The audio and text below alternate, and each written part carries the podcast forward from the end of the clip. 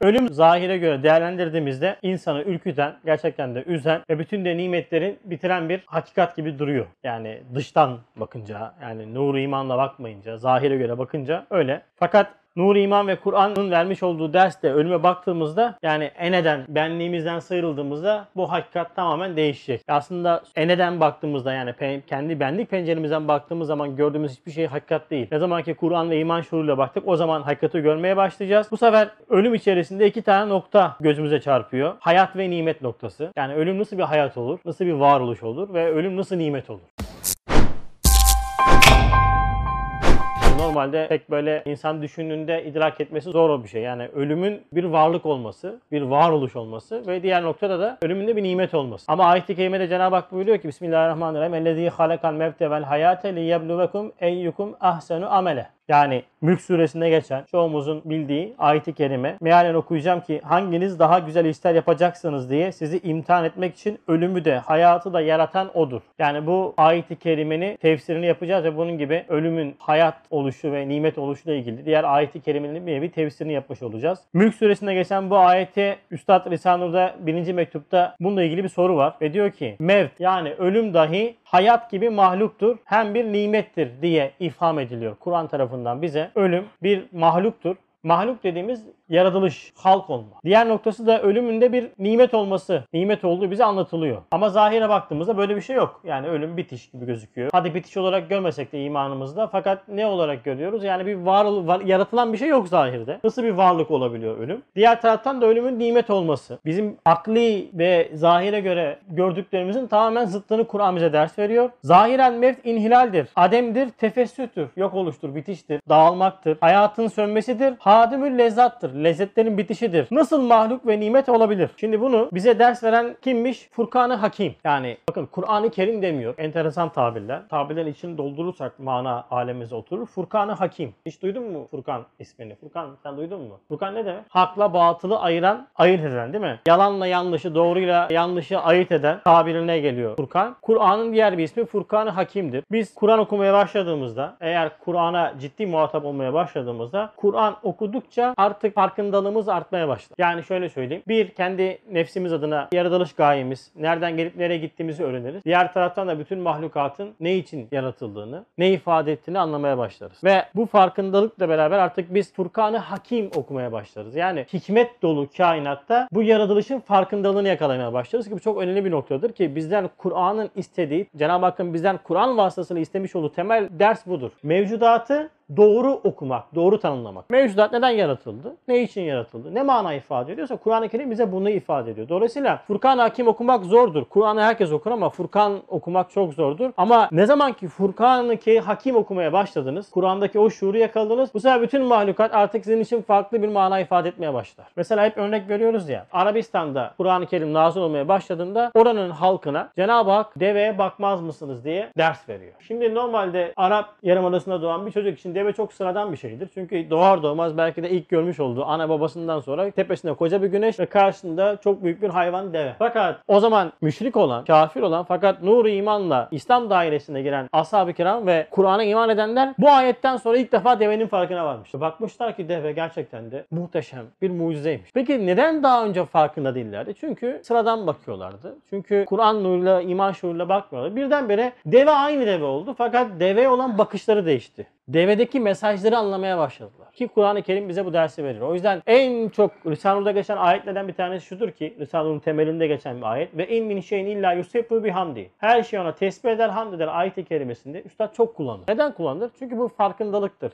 Bu ne der biliyor musunuz bize? Her neye bakarsan bak, her neyi görürsen gör hepsi Cenab-ı Hakk'a hamd eder, tesbih eder. Hiçbir şey yoktur ki Cenab-ı Hakk'a hamd etmesin, tesbih etmesin, ona ibadet etmesin. Bu farkındalığı yakaladığımız anda artık biz Furkan-ı Hakim okumaya başlarız. O zaman Kur'an-ı Kerim bize çok farklılaşmaya başlar. O zaman Kur'an'la mevzuat arasındaki ilişkiyi kurarız ve ondan sonra artık her ne görürseniz görün size her şey görmediğiniz Allah'ı hatırlatan birer sanat eseri olmaya başlar. Allah bu şuuru nasip etsin hepimize inşallah. Şimdi bunu yapmazsak ne olur? Eğer kainat olaylara ben penceresinden ene diye ifade edilen Risale-i Nur'da hodgem, hodendiş diye ifade edilen pencereden baktığınızda yani Kur'an'la, imanla bağlantısını kesip baktığınızda artık her şey sizin için batıl olmaya başlar. Bakın İsra suresinde geçen bir ayet-i kerime var. Hepimizin çokça bilmiş olduğu. Hak geldi, batıl zahir oldu. Bu ayeti kerimenin çokça duymuşsunuzdur ve bu daha çok bizim maalesef İslam literatürümüzde ve özellikle son yıllarda siyasal İslam'da çok kullanılan bir ayeti kerimedir bu. Hak geldi batıl zahil oldu. Bunu hep genelde yönetimsel olarak ele alınır. Yani işte şu andaki demokrasi gidecek de şeriat gelecek. Şeriatla yönetecek. Böyle hak geldi batıl zahil oldu. Evet bu mana var mıdır? Vardır ama esas bu değildir. Bakın eğer Kur'an nuruyla, iman şuuruyla bakmadığınız ve manayı ismiyle okuduğunuz, manayı harfine yani sanattan sanatkara ulaşamadığınız her ne varsa bu gel ister olay olsun, ister mevcudat olsun, ister ölüm olsun, her ne olursa olsun bunun hepsi batıldır. Sizin gördüğünüz şey batıldır. Hak değildir. Hak dediğin şey onun üzerinde tecelli eden esma ilahi okumak. Onun üzerine tecelli eden sıfat ilahi okumaktır. Onun üzerine tecelli eden Cenab-ı Hakk'ın sanatına vakıf olmak. Eğer bunu yakaladığınız anda, bunu gördüğünüz anda hak gelir, batıl zahir olur. Bunu göremediğiniz anda hiçbir zaman siz hakka ulaşamayacaksınız ve batılla müptela olup batıl perest olacaksınız.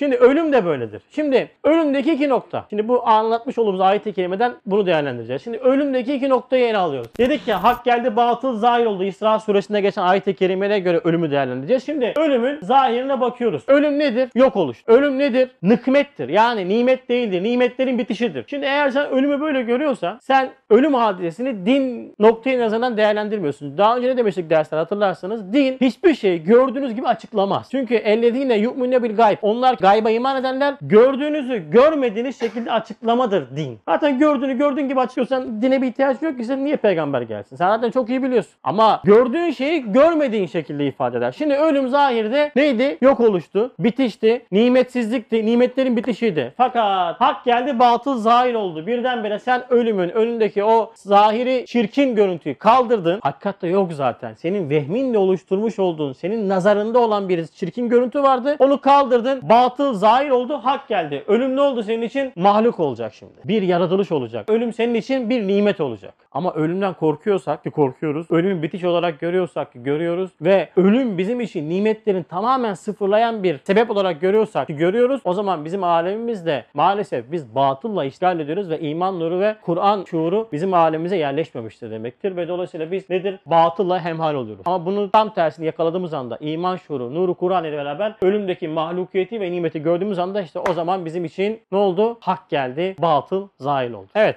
Şimdi girizgah yaptıktan sonra konuya geçiyoruz. Şimdi soru neydi tekrar okuyalım. Mevt hayat gibi mahluktur ve nimettir diyor Kur'an-ı Kerim. Fakat zahirdeki mevt yani ölüm, inhilal, yok oluş, bitiş gibi gözüküyor. Nasıl mahluk ve nimet olur diye sormuştu ve cevabını veriyor. Diyor ki el cevap. Birinci cevabın, birinci sualin cevabının ahirinde denildiği gibi mevt yani ölüm vazife-i hayattan bir terhistir. Bir paydostur. Bir tebdil mekandır. Bir tahvili vücuttur. Hayatı bakiye bir davettir. Bir mebdedir. Bir başlangıçtır ve hayatı bakiyenin mukaddimesidir. Şimdi sıralamış olduğu bu sayıların hepsini bir önceki kısımlarda anlattı. Yani aslında ölüm dediğimiz şey vazife hayattan bir neymiş? Terhistir. Terhis çok sevilir. Askerlik yapanlar çok iyi bilirler. Tabii 27 günlük ve ben buna 6 aylık askerlikte de ekliyorum. Ondan sonra çok fazla belki 6 aylıkları kurtarır da bizim gibi 18 ay babalar gibi yapacaksın. Ondan sonra o almış olduğun terhis belgesi var ya o o o şanlı şerefli 550 gün. Hala duruyor o benim şafak kartım. Böyle arada bakıyorum oh geçmiş diyorum elhamdülillah bakıyor elhamdülillah diyorum tamam mı? 27 günlükte pek bu noktada Selçuk abi. O yüzden sen bu terhis manasını pek anlayamazsın yani. Şimdi terhismiş ve bir paydosmuş. Özellikle işçiler için paydos saati sevilir. Paydos saati. Tık çaldın mı en sevdiğin saattir. Neden artık bitti. Ondan sonra bir tebdili mekandır. Yer değişikliğini severiz değil mi? Bazen ne yaparız? Ya abi hep aynı yerdeyiz. Hadi gidelim şurada bir çay içelim. Şurada bir kahve içelim. Burada bir yemek yiyelim deriz. Tebdili mekan yaparız. Peki tebdili mekan yaptın. Bir tahvili vücut şarttır. Vücudu değiştirmen lazım. Şimdi hava soğuk. Buraya geldiniz. Montlarınız var. Şimdi buradan size alsak. Antalya'ya götürsek. Antalya'da sıcak olsa. Montla oturabilir misiniz? Yok. Umre'ye gideceksin. Umre'de ne lazım? Diyorsun ki Mekke sıcaktır. Bak bunu bunu al. Medine serindir bak hırka al, atıyorum bir süveter al kendine. Ama Mekke'de gerek yok abi çok sıcak zaten diyorsun. Veyahut da havuza giriyorsun. Havuzda plaj malzemelerin var değil mi? Meşhur dairede bir havuzdan bahsediyorum ya da plajdan bahsediyorum. Ona göre gidin. Eğer tebdili mekan varsa tahvili vücut yani vücut değişikliği, kıyafet değişikliği mecburidir. Bunu yapmak zorundasın. Ve bir davettir. Ebediyete bir davettir. Ölüm ve bir mebdedir, bir başlangıçtır. Ebedi hayatın başlangıcıdır ölüm. Bunlar hep Kur'an'ı tabirler ve hayatı bakiyenin, baki hayatının da mukaddemesi, girişti, girişidir, ilk kapısıdır. Fakat nasıl varlık bu? Nasıl bir var yaratılıştır? Onu öğreniyoruz. Ve diyor ki bakın, nasıl ki hayatın dünyaya gelmesi bir halk ve takdir iledir. Yaratılış, çocuk ana rahmine doğmasından itibaren Cenab-ı Hakk'ın takdiriyle dünyaya geliyor. Doğru mu? Her an bir yaratılışı gözlemliyorsun. Bir aylık, iki aylık, üç aylık, dört aylık, beş aylık. Şimdi o varlığın dünyadan gitmesi de bir halk ve takdir ile bir hikmet ve tedbir iledir. Çünkü şimdi ekranda da sonra izleyeceksiniz. Basit bir tabakayı hayat olan nebat hayatı yani bitki hayatının vücuda çıkması. Onu anlatacak ve oradan bize ders verecek.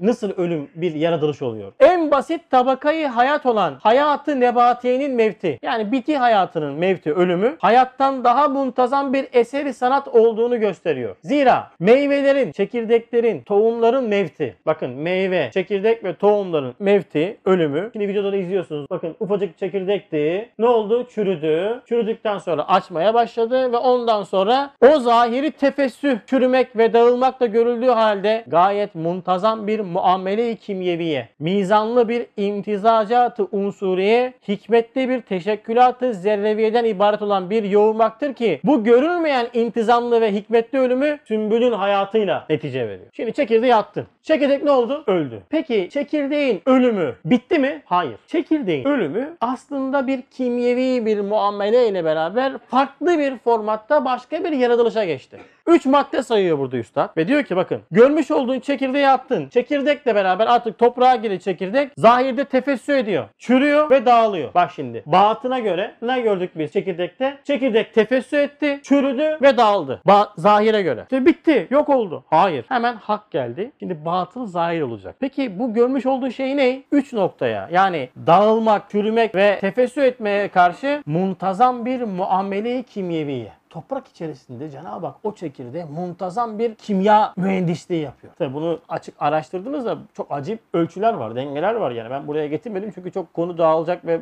e, sayılarda boğulacağız ama gerçekten de o hani yemek elmayı yerken, ayva yerken o çekirdeği yapıyorsunuz ya böyle kıyamazsınız yani. O çekirdek harbiden bir mucize. Toprağın içerisinde dağılması, zahir dağılması, tefessü etmesi beraber orada yapılan icraat içerisindeki o kimyevi maddelerinin birbirine denk getirilmesi, bir, belli bir kıvamda tutulması tamam mı? Bununla beraber bir imtizacatı unsuriye çok mizanlı bir farklı unsurların bir araya getirilmesi var. Hikmetli bir teşekkülatı zerreviye farklı zerrelerin bir araya getirilip vücut yapılması var. Dolayısıyla senin zahirde çürümüş olarak gördüğün, tefessü olarak gördüğün, dağılmış olarak görmüş olduğun çekirdek aslında Cenab-ı Hak onu ne yapıyor? Muntazam bir muamele-i kimyevi bir mizanlı imtizacat unsuriye ile ve bir hikmetli teşekkülatı zerreviye ile onu ne yaptı? Tümbül hayatına tebdil etti. Çekirdek ne oldu? Tümbül oldu. Peki çekirdek öldü mü? Hayır. Ölmek yok olmak değil. Kafamıza sokmamız gereken nokta bu. Bizi korkutan o varlığı, varoluşu görememek. Şimdi Kur'an'ı bir tarzda Üstad bize senin ölüm diye yok oluştuğu, görmüş olduğun şeydeki yaratılmışlığı gösteriyor. Ve sana önce çekirdeği göster. Dedi ki bak bu çekirdek var ya he, sen bunu attın zahirde çürüdü gitti. Hayır çürümedi. Yok olmadı. Merak etme. O üç aşamalı bir icraatla beraber Cenab-ı Hak ne yaptı onu? Bir tasarrufata tabi tuttu. Ve oradan çekirdekten sümbül hayatını netice verdi. Çekirdekti sümbül oldu. Bu birinci örnek. Şimdi hepimizin çok iyi anlayacağı bir ikinci örneği verecek. Bak hepimizin çok iyi anlayacağı bir ikinci örneği verecek. Diyor ki hem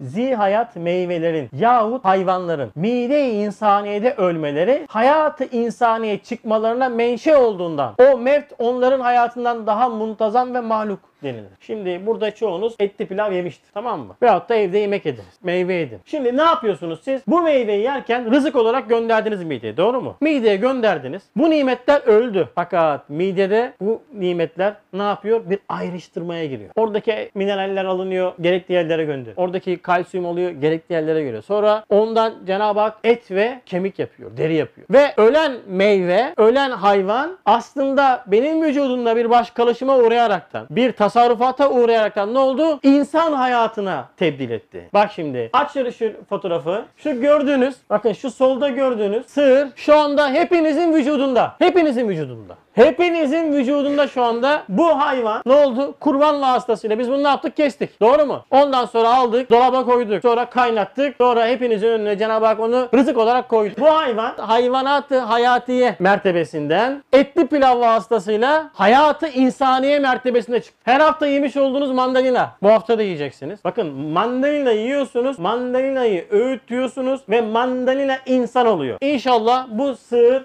ve bu mandalina bizle beraber cennete gidecek. Ebediyete intikal etti. Kesin bu. Ama Allah muhafaza cehennem mi olur, cennet mi olur orası muamma. Mevla inşallah ebedi cennette bu şekilde canlanmayı nasip etsin. Bakın şu anda siz yemiş olduklarınızla aslında o yediğiniz nimete bir miraç yolculuğu açıyorsunuz. Bakın şöyle değerlendirin. Yani aslında siz yemek yiyorsunuz ve o yemek vasıtasıyla sen yemiş olduğun, öğütmüş olduğun o hayvanı, o işte meyveyi ne yaptın? Midene gömdün. Hani gençlerin sürekli kullanmış olanı gömelim. Abi şunu gömüyor muyuz? Tamam mı? İşte bu böyle benim pek hoşuma gitmezdi. Hadi burada tutuyor diye kullandık. Tamam bunu gömdün Adem abi. Onu gömdükten sonra o yok olmuyor. O senin vücudunda ne oluyor? Cenab-ı Hak et, kemik vesaire olarak bunu kullanıyor ve o basit hayat mertebesinden külli hayat mertebesine çıkardı. Hayvani hayat mertebesinden insani hayat mertebesine çıkardı. Demek ki ölüm yok oluş değil. Ölüm başka bir formatta yaratılışmış. Bir örnek daha veriyorum şimdi. Ses kaydı alıyorsunuz. Konuşuyorsun. Ses kaydı düğmesine basıyorsun ve ses kayıt yapıyor. Bugün bilim bile bunu söylüyor. İnsanların sesleri diyor yok olmuyor. İşte uzayda toplanıyor ve bunu diyor tekrardan geri getirmek mümkün. Ha, olur olmaz bilinmez ama bilimin böyle bir iddiası var. Sonuçta yok olan bir şey yok zaten. Şimdi ben konuşuyorum. Şimdi benim bu konuşma kimilerin telefonunda ses kaydı olarak, kimilerin ekranlarında mesela Instagram'dan izleyenlerin telefonunda ben suret olarak benim konuşmam yaratıldı. Sonra ses kaydı olarak MP3 formatında Cenab-ı Hak yaratıyor. Yani ben konuşuyorum. Konuştum bitti. Evet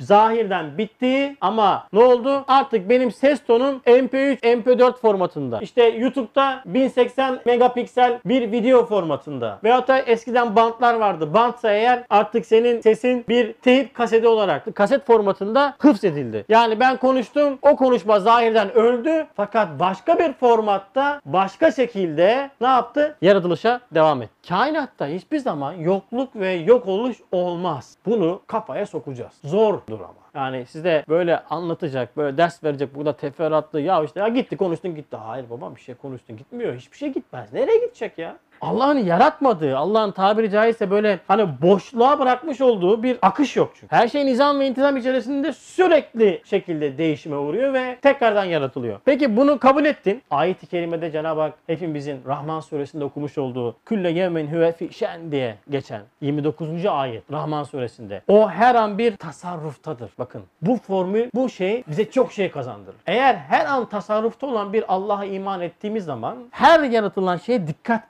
kesmetmek zorunda olur. Yok etti, tekrar yarattı. Yok etti, bir daha yaratıyor. Yaratma ne zaman biter? Ne zaman ki Halik esması biter, o zaman biter. Peki yaratma ne zaman başladı? İşte ezelde başladı. Ne zamana kadar bitecek? Hiçbir zaman bitmeyecek. Cenab-ı Hak fealun lima yuriddir. Her an ve her daim kendi esmasını an ve an cilvesini tezahür ettirir, tecelli ettirir, sürekli yaratır, yaratır, yaratır, yaratır. Ve bizim o yok olma dediğimiz şey nedir biliyor musunuz aslında? O kadar hızlı bir yaratılma vardır ki çok seri düşünün böyle. Ya Şöyle hızlı giden bir şey düşünün. Biz neden varlığı böyle standart tek düze görüyoruz? O kadar hızlı bir yaratılış vardır ki aradaki boşlukları biz göremeyiz. Hani akkor ampuller vardır. Ampullerin içerisinde aslında kadar 27 tane böyle gidiş geliş var derler. Tamam mı? Fakat o kadar hızlıdır ki bu sen bunu ne yaparsın? Enerji olarak görürsün. Tek lamba olarak, tek bir ışık olarak görürsün. Aslında o tek ışık birçok böyle gidip gelme neticesinde oluşan bir şeydir. Hani bisikletlerin sivop kapaklı ile şeyine takarsın ya led böyle. Tek noktadır fakat bir dönmeye başlar böyle. Hop diye yuvarlak olur. Peki komple lastiğin etrafı led midir? Hayır. Tek bir led vardır. Fakat o kadar hızlı bir tecelliyat vardır ki o tecelliyatın işte ismi her an halkın cedid diyor Kur'an-ı Kerim buna. Sürekli bir yaratma vardır. Bu yaratma esnasında sen ne yaptın? Bu yaratılışı ne kadar ciddi şekilde takip ediyorsan, soruşturuyorsan, e, inceliyorsan, hikmeti görmek istiyorsan orada marifetullah kapısı açılır. Ama dedin ki ölüm kardeşim ya öldük gitti gitti işte falan diye meseleye yaklaştığın anda ölümdeki mahlukiyeti göremezsin. Ölümdeki mahlukiyeti görmediğin için de ölüm senin için bitiş olacağı için korkutucu olacak, üzücü üzücü olacak ve ölüme karşı her daim böyle bir soğukluğun olacak. Ama diyeceksin ya öldüm tamam öldün. Başka bir formatta, başka bir mekanda ona uygun bir beden, ona uygun bir kıyafetle hayat devam edecek. Çok rahat olacak. Tabii olabilirsek. Ceset gidecek. Ceset elbisesi gitti. Ruh çıktı. Peki ruh çıplak mı olacak? Hayır. Ruh çıplak olamaz çünkü ruh çıplakken bir şey hissedemez. Ona uygun farklı formatta farklı bir kıyafet giydirilecek. Üstad buna gılaf latif diyor. Yani farklı bir formatta farklı bir kıyafet giydirilecek ve o farklı giydiği kıyafetle artık kabir ve alem berzah ve işte sair diğer yerlerde yürüyüşüne devam et. Ceset ya bunun işi bitti. Bu orada kullanılmaz. Bu cesetle oralarda iş yapamaz. Diyorlar ki bunu bırak. Biz bunu bir sıfırlayalım. Eskiciye ver bunu. Bitirelim bunu. Sonra mahşerde, haşirde tekrardan vücudun oraya münasip şekilde tekrardan yaratılacak. Aynıyla, resmiyle, ismiyle. Fakat format farklılığında. Eğer bu formatla biz cehenneme gitsek zaten bize azap falan olmaz. Allah muhafaza. Bu formatla cennete gitsek ondan da lezzet alamayız tam olarak. Özel dizayn edilmiş bir şey. Mesela bir örnek vereyim. Bazısının diyor cehennemde diyor dişi Uhud dağı kadar olacak. Şimdi diş Uhud dağı kadarsa ağız ne kadardır? Ondan büyüktür. Tamam mı? Himalaya olsun. Peki Himalaya ağızsa kafa ne kadardır? Bildiğim iki tane üç tane dağ ismi var. Onlardan sonra yukarı çıkamam. Böyle bir vücut. Böyle bir vücut işte. Böyle bir vücut. Böyle bir azap ve böyle bir ihsan ve ikram. Ya nasıl bir şey? İşte öyle bir şey. Ama bil ki bu vücutla beraber sen öldüğünde yok olmayacaksın. Tekrardan yaratılacaksın. Maluk kısmı bu. Şimdi ilk derste atladığım bir yer gördüm. Ondan sonra orayı tamamlayıp ikinci kısma geçeceğim. Hani dedik ya iki tane örnek verdi. Hem bitki dünyasından hem de hayvanat dünyasından. Bitki ve hem hayvanat hayatının toprağa girmesiyle beraber, ölmesiyle beraber yeni bir hayata inkılap etmesini ders verdi. Ve oradan meseleyi insana getiriyor ve orada bitmem lazımdı. Atlamışım. İşte en edna tabakayı hayat olan hayatı nebatiyenin, bitki hayatının mevti, ölümü böyle mahluk, hikmetli ve intizamlı olsa tabakayı hayatın en ulvisi olan hayatı insaniyenin başına gelen mev yani ölüm elbette yer altına girmiş bir çekirdeğin hava aleminde bir ağaç olması gibi yer altına giren bir insan da alemi berzahta elbette bir hayatı bakiye sümbülü verecek. Şimdi toprağa çekirdeği attım. Çekirdek orada tefessü etti zahirde dağıldı. Cenab-ı Hak ona bir tasarrufata tabi tuttu ve ne oldu? Ufacık çekirdek koca bir sümbül ondan sonra bir fidan sonra bir ağaç oldu. Basit bir tabakayı hayat olan bitki hayatında bu böyleyse. Peki insan halife-i ruh zemin İnsan şu kainatın belki de noktayı merkeziyesinde bulunan bir varlık ve Efendimiz sallallahu aleyhi ve sellem cihetiyle şu kainatın semeresi değil mi meyvesi olan insan toprak altına girdi. O insan orada çürüyüp gider mi? Toprağın içine ne girmiş de çürüyüp gitmiş de yok olmuş. Değil mi? Hayvanat giriyor, fosil oluyor, petrol oluyor, kullanıyorsun. Çekirdek giriyor, zahirde çürüyor, sümbül oluyor, filiz oluyor, ağaç oluyor, meyvesini yiyorsun. İnsan girdi toprağın içine ve insan yok olacak. Hayır. Üstad Mesnevi Nuri'de toprak unsurunu anlatırken, Kur'an-ı Kerim'de halakas semavati ve arz derken sürekli toprak unsuruna nazar dikkatini celbetmesini ifade ettiği bir yer var. Uzun okumayacağım da orada anlatıyor toprağın mahiyeti, tevazu, mahviyet gibi e, Allah'a vasıl olan yollara ulaşmanın en kolay yolu toprak diye ifade edilir. Tasavvufta da bu böyledir. Yani toprağı ezersin, toprağa tükürürsün, affedersiniz toprağın üzerine belki de e, bevledersin ama toprak sana ne yapar? Biiznillah meyve verir, biiznillah çiçek verir, biiznillah ağaç olur. Doğru mu? Hiçbir zaman toprak küsmez. Hiçbir zaman toprak ya beni ezdiler, mahvettiler deyip gurur yapmaz. Dolayısıyla tasavvufta geçen nefsi ezmenin, tevazunun simgesi topraktır. Aynen bunun gibi de insan da o toprağa girdiğinde bak ne diyoruz sonuçta diyor ki ey insan, ey arkadaş topraktan ve toprağa inkılap etmekten, kabirden ve kabre girip yatmaktan tevahhuş etme, korkma. Bak bakalım toprağın içine yatanlara ne oldular? Sen yatınca ne olacak? Bu dünyada ekmiş olduğun bütün manalar senin çekirdeğinden neşvi nema bulacak. Sen ne yapacaksın? Kocaman bir varlık olacaksın. Allah hepimize nasip etsin bu manayı. Heh, şimdi ölümün nimet oluşuna bakacağız. Ölümün mahluk kısmını anladık. Nasıl mahluk, nasıl yaratılıştı? Şimdi nimet kısmını dört maddede ifade edecek. Ölüm nasıl nimet olur? Birincisi ağırlaşmış olan vazifeyi hayattan ve tekalifi hayatiyeden azat edip %99 ahbaba kavuşmak için alemi berzahta bir visal kapısı olduğundan en büyük bir nimettir. Gün geçtikçe, yaş ilerledikçe insanın hayat şartları ağırlaşıyor. Vazifeleri ağırlaşıyor. Doğru mu? Ya bizim kızdan örnek vereyim 3 numaradan. Okul için yanıyordu. Yanıyor okulda okul okulda okul. Şimdi sabah erken kalkıyor. Ya diyor baba diyor gitmesem olmaz mı diyor ya. Bugün gitmesem olmaz mı diyor. Uykum var diyor. Bugün gitmesem bak ne oldu? Artık eski rahatlık bitti. Gün geçtikçe şimdi ilkokul, ortaokul, lise vesaire değil mi? Hepimizin öyle. Yavaş yavaş yük gitgide ağırlaşmaya başlıyor değil mi? O yük ağırlaştıkça artık belli bir zamandan sonra kaldıramaz. Tabiri caizse götüremez hale geliyorsun. Kaldıramaz, götürmez hale geldiğinde artık senin için ölüm nimet olmaya başlıyor. Ve sen diyorsun ki %99 ahbap. Şimdi ahbap kısmı da çok önemli. Kimleri ahbap gördüğümüz, kimleri ahbap olarak sevdiğimiz ayrı mesele ama başta Peygamber Efendimiz, bütün peygamberler,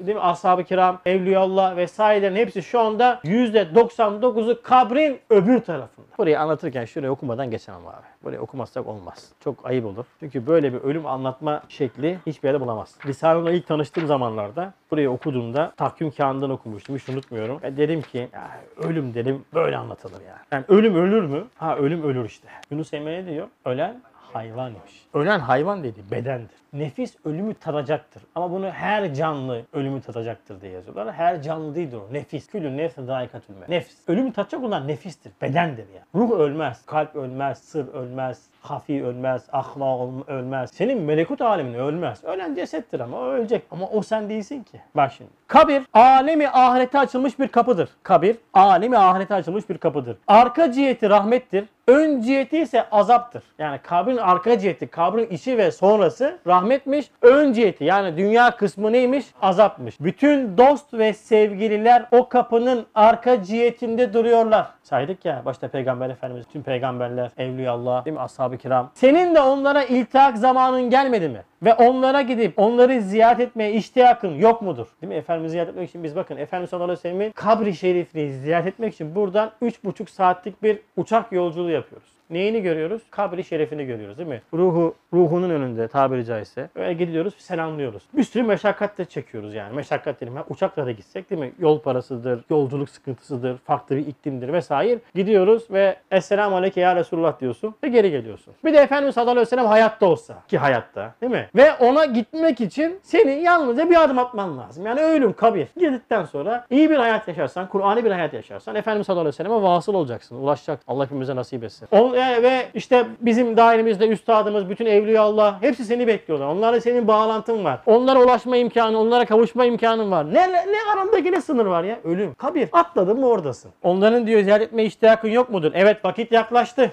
Vakit yaklaştı. Çok uzak zannettiğimiz ölüm hepimizin başında. Dünya kazuratından, dünya tem pisliklerinden temizlenmek üzere bir gusül lazımdır. Yani manevi gusül. Yani bu dünyayı kerih görmek, bu dünyayı fani görmek, bu dünyayı geçici görmek ve kavuşmayı istemek lazımdır. Yoksa onlar istikzar ile ikrar edecekler. Eğer böyle olmazsan geldi, kabre girdi ve her yeri kokuttu. Leş gibi dünyalık bir adam geldi diyerekten seni kerih görecekler. Eğer İmam-ı Rabbani, Ahmeti Faruki bugün Hindistan'da hayattadır diye ziyaretine bir davet vuku bulsa İmam-ı Rabbani, Müceddid El-Füsani çok büyük bir zat. Tariki Nakşi'nin güneşi. Üstad diyor ki Hindistan'da vazife yapmış. Bugün Hindistan'dadır diye duysam İmam-ı Rabbani beni çağırsa ne yapacağım? Bütün zahmetlere katlanacağım. Tehlikelere katlanarak ziyaretine gideceğim. Binaenaleyh bununla beraber. İncil'de Ahmet, Tevrat'ta Ahyet, Kur'an'da Muhammed ismiyle müsemma. iki cihanın güneşi kabrin arka tarafında milyonlarca Faruk-i Ahmetlerle muhat olarak sakindir. İmam Rabbani Hazretleri bugün Hindistan'da ziyaret edip çağırsa ziyaretine gitmek istiyorsun ya üstad. Heh kendi nefsine söylüyor üstad. Onun gibi bak İmam Rabbani gibi bir sürü zat var. Ama bunların başında kim var? İncil'de Ahmet, Tevrat'ta Ahmet ve Kur'an'da Muhammed ismiyle müsemma Efendimiz sallallahu aleyhi ve sellem oranın sakini. Şu anda Efendimiz nereli? Alemi berzahlı. Efendimiz sallallahu aleyhi ve sellem nereli? Alemi kabirli. Orada onların ziyaretlerine gitmek için niye acele etmiyoruz? Geri kalmak hatadır. İşte ölüm böyle bir şey yani. Ne kadar güzel anlattı değil mi? Hani insanın ölesi geliyor ya. Harbiden insanın ölesi geliyor ya. Ya o kadar güzel bir güzel portre çiziyor ki insana. Ya duruyorsun ya ulan bu kadar güzel bir ortam böyle mi ne lazım? Ha ölmen lazım işte. Allah bu şuuru nasip etsin hepimize. İkinci, ölümün nimet olma noktası. Dar, sıkıntılı, dağdağlı, zelzeleli dünya zindanından çıkarıp vüsatli, geniş, sürurlu, ızdırapsız, baki bir hayata mazhariyetle. Mahbubu bakinin daire rahmetine girmek. Bu dünya neymiş? Dar, sıkıntılı, dağdağlı dünya. Evet arkadaşlar dünyanın zahiri böyledir ve bu manayı yakalayamayan kişi dinden istifade edemez. Namazdan istifade edemez. Aynı manayı üstad namaz için de söylüyor. Namazın anlattığı yerde namazdan nasıl keyif alınır ve namaz nedir onu ifade ediyor. Bakın hemen oradan okuyorum. Ama dünyayı seviyoruz. Dünyayı geniş görüyoruz. Dünya bizi celbediyor. Dünya bizi cezbediyor. O yüzden biz ölüme karşı iştiyakımız yok. Bak şimdi. Evet fıtraten ebediyeti isteyen insan ve ebed için halk olunan ezeli ve ebedi bir zatın aynesi olan nihayetsiz derecede nazik ve letafetli bulunan zişur bir sırrı insani, zinur bir latife-i Rabbaniye. Bunlar bizim mahiyetimizde olan cihazatlar da biz bunların ne olduğunu bilmiyoruz. Yalnız ilmen okuyoruz böyle. Ama şunu söyleyeyim. Bu dünya kimseyi doyurmuyor değil mi? Bu dünya kimseyi tatmin etmiyor değil mi? Bu dünya kimseye yar olmuyor değil mi? Heh, bunu anlayın yeter. Şimdi böyle bir mahiyetteki insan şu kasavetli, ezici, sıkıntılı, geçici, zulümatlı ve boğucu olan ahvali dünyevi içinde. Neymiş dünya hayatı? Ezici, kasavetli, sıkıntılı, geçici ve zulümatlı ve boğucu olan dünya hayatı içinde elbette teneffüse pek muhtaçtır. Ancak namazın penceresiyle nefes alabilir. İşte namaz budur. Din budur. Dünyanın zahiri çirkinliğinin farkına varamayan kişi dine yönelemez. Dünyanın zahiri çirkinliğini farkına varmayan kişi ve mahiyetindeki bu dünyaya karşı reddi anlamayan kişi namazı kılar. Fa- hemen fas fas. Kamette kamette kamette kamette kamette. Hemen çıkın. Hemen çıkın. Yani bir örnek verdik ya. Buraya lastiği yaptık. Üzerinde benzini döktük. Yaktık lastiği. Her yer kapalı. Dumanlar çıkmaya başladı. Ne yaparsınız? Kaçamazsın. Kapı kapalı. Ne yaparsın? Cam açarsın. Aç camı. Duman oldu aç. Ne varsa açarsın. Havalandırma aç. Her şeyi aç. At abi şu dumanı dışarı. Neden? Kendini çıkarsın nefes alırsın. Daralırsın. Sana kimse cam aç komutu verir mi? Hayır. Fıtridir. Yani buranın havası bozulunca sen camı açmak zorundasın zaten. Peki camı açtın. Camı hemen kapatır mısın? Aç abi açık bırak kapatma abi ya. Hala yanıyor lastik. Görmüyor musun? Her yer simsiyah olmuş. Bu dünya hayatı ve dünyevi işte yanan lastik. Yanıyor lastik dumanı çıkartıyor. Yanıyor lastik dumanı çıkartıyor. Senin ruhun da buradan memnun değil. Diyor ki nefes almam lazım. Daraldım, bunaldım. Nefes almam lazım. Sen de namaz vakitlerinde pencere açıyorsun. Dünyadan kopuyorsun. Diyorsun ki bu dünya fani, geçici, kararsız. Döndün istikamete. Namazı kıldın. Namazı nasıl kılarsın? Bu şuur yakalayınca o namaz dersin ki "Aa, rahat, rahat, rahat.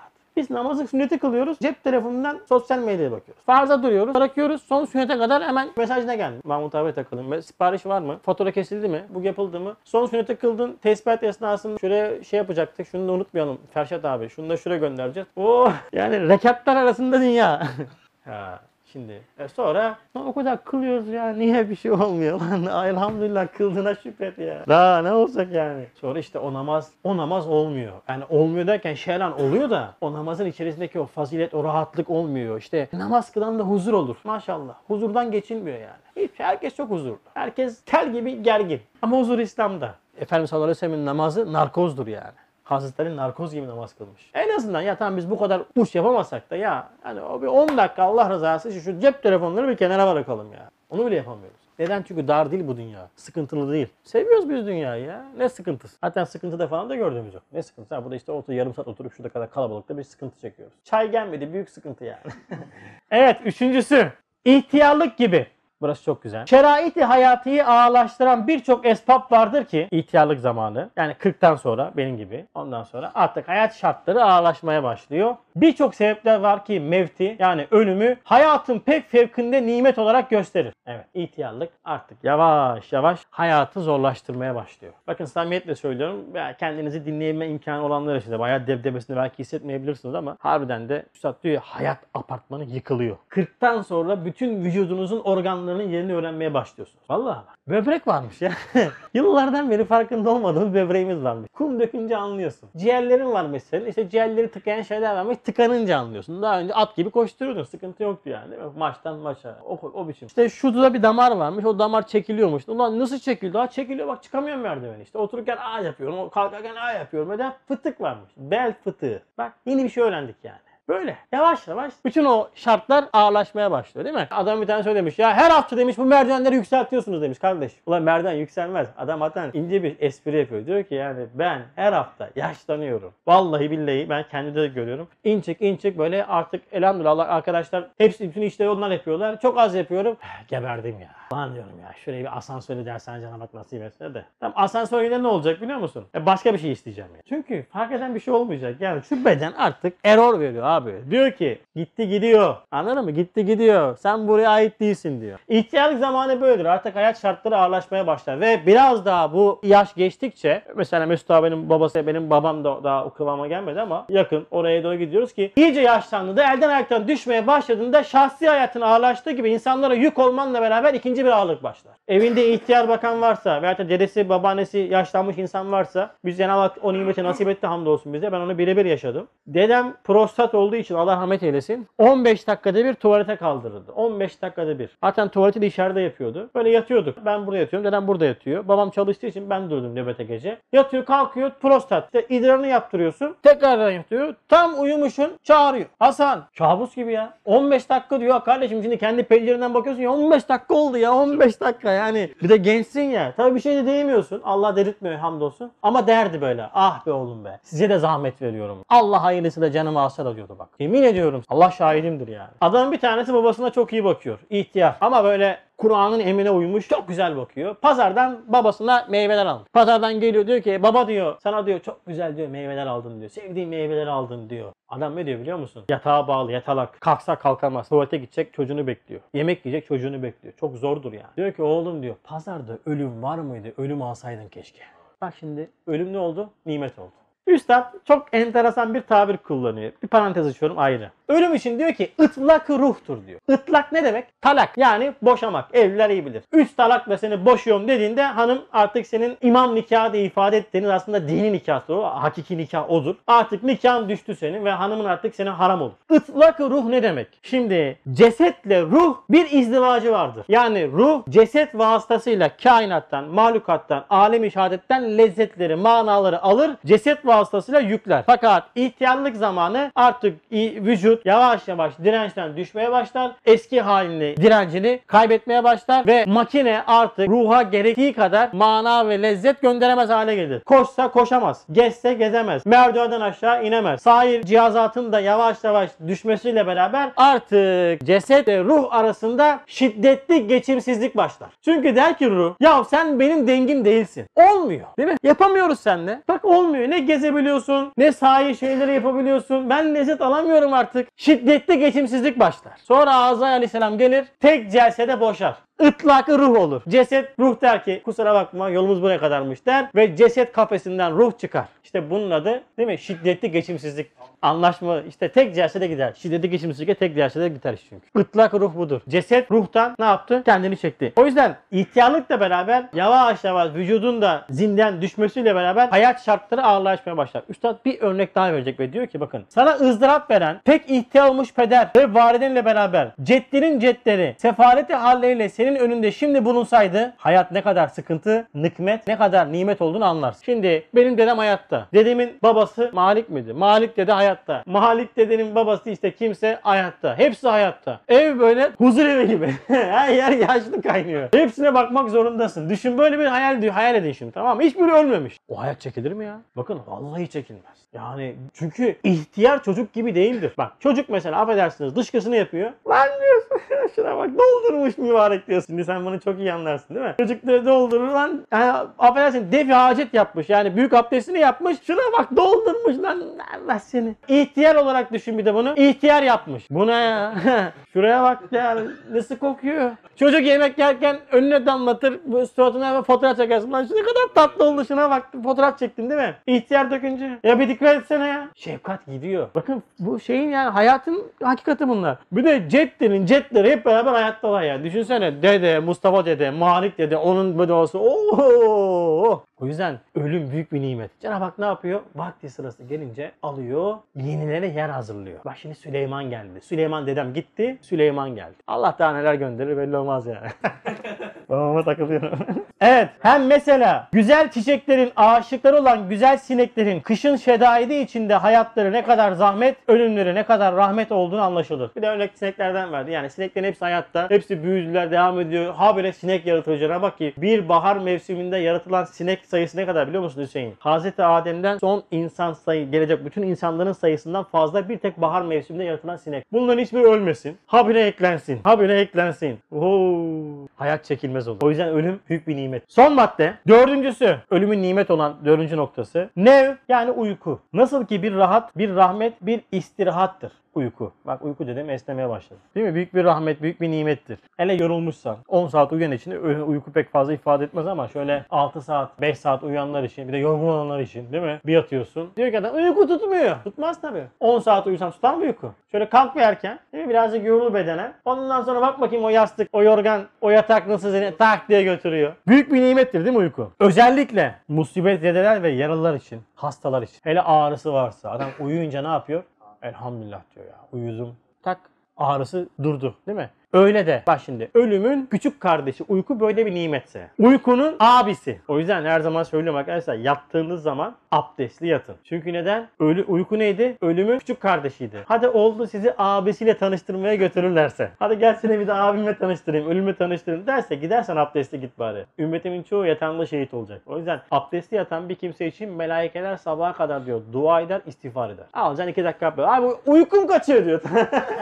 Harbiden yatan uykun geliyor böyle. Bastırmış yatayım yatmayayım. Ben de şimdi var ya bir anlatıyorum ya. Şimdi hani o kadar anlatıyorsun yapmazsan sıkıntı diye var ya çok büyük sıkıntı çekiyorum ya. Yani alıyorum uyku kaçıyor bir daha okuyorum bir daha imtihan ama abdesti yapmaya dikkat edin. Ve şimdi uykunun ölümün küçük kardeşi böyle bir nimetse. Nevmin büyük kardeşi olan mevt dahi musibet zedelere ve intihara sevk eden belalarla müptela olanlar için aynı nimet ve rahmet. Nice büyük ağır hastalıklar var ki ağrıdan dolayı adam ölüm ölüm diye dua ediyor. Allah diyor canımı alsa da çünkü çok büyük azabı var, sıkıntısı var. Allah canımı alsa da diyor. Peki neden bunu istiyor? Çünkü nimet. Bak ölüm zahirde neydi? Sıkıntıydı, kötüydü ama bak ne oldu? Nimet oldu işte. Dört maddede nimet olduğunu ifade etti. Ama şimdi ölümü nasıl seveceğiz? Şimdi bir hadis-i şerif okuyacağım. Bu hadis-i şerif çok önemli. Efendimiz sallallahu aleyhi ve sellem buyuruyor ki yakında diyor milletler yemek yiyenlerin çanaklarına milleti davet ettikleri gibi size karşı savaşmak için birbirlerini davet edecekler. Size karşı, Müslümanlara karşı savaşmak için birbirlerini davet edecekler. Şimdi Suriye'de savaş var. Bakıyorsun Portekiz'in gemisi var. Ulan ne alaka ya? Ya Portekiz nere? Suriye nere? Kanada bile gemi gönder. Akbabalar gibi üşüyorlar. Değil mi? Nerede para kokusu var? Nerede petrol kokusu var? Hadis-i şerif bak birebir söylüyor. Diyor ki sizi diyor yakında milletler diyor böyle sizi nasıl ki gel yemeğini yiyelim gel yemeğini diye çağıracaklar. Aynen diyor milletler diyor toplanacaklar birbirlerine sizi yemek için birbirini davet edecekler. Peki biri soruyor. Diyor ki bu o gün bizim azlığımızdan dolayı mı olacak diyor. Az olduğumuzdan dolayı mı olacak? Efendimiz sallallahu aleyhi ve sellem buyuruyor ki hayır diyor. Tam tersine o gün kalabalık olacak. Fakat selin önündeki çöpler gibi zayıf olacaksın. Allah düşmanlarınızın gönlünden sizden korkma hissini soyup alacak. Sizin gönlünüze de vehen atacak. Düşmanlarınız artık sizden korkmayacak. Eskiden böyle miydi? Bir ferman yetiyordu yani. Şimdi ister ferman gönder, ister elçi gönder adam seni artık hiç tıraşlamıyor. Seni takmıyor bile. Bak bizi izzetimizi almış. Aynı zamanda bizim de bize vehen atacak. Peki yine soruyorlar. Diyor ki vehen nedir ya Resulullah? Efendimiz sallallahu aleyhi ve sellem buyuruyor ki vehen diyor dünyayı fazlaca sevmek ve ölümü kötü görmek. O yüzden Allah'a dua edin de Allah'ım deyin ölümü sevdir bize. Peki ölümü nasıl seveceğiz? Ölümü sevmek için zahirden yani manayı isminden hani gördüğünü gördüğün gibi değil de görmediğin şekilde manayı harifiyle sevdiğin anda zaten sen ölmeden ölürsün. Sonra ölüm nefse olduğunu unutmayacaksın. Sen de nefis değilsin. Ölen hayvan imiş. Aşıklar ölmez dediği. Sen kendini beden olarak tanımlamadığın zaman ölüm senin için kolaylaşır. Bu beden ruh için bir kafestir. Hani örnek verdim ya kuşu kafesten bir saldın. Kuş ne oldu? Kafesten çıktı. Arkasını dönüp bakmadı. Ulan yem yedik burada kaç gün kaldık dönüp bakmadı. Direkt uçtu gitti. Ruh bu beden içinde kafestedir. Kafesin kapağı açılır ve ruh çıkar. Ölen ne oldu? Cesetti. Sen o değildin. Ruh hiçbir zaman ölmeyecek. Bak ölümü sevdin. Sonra ölüm tatmaktır.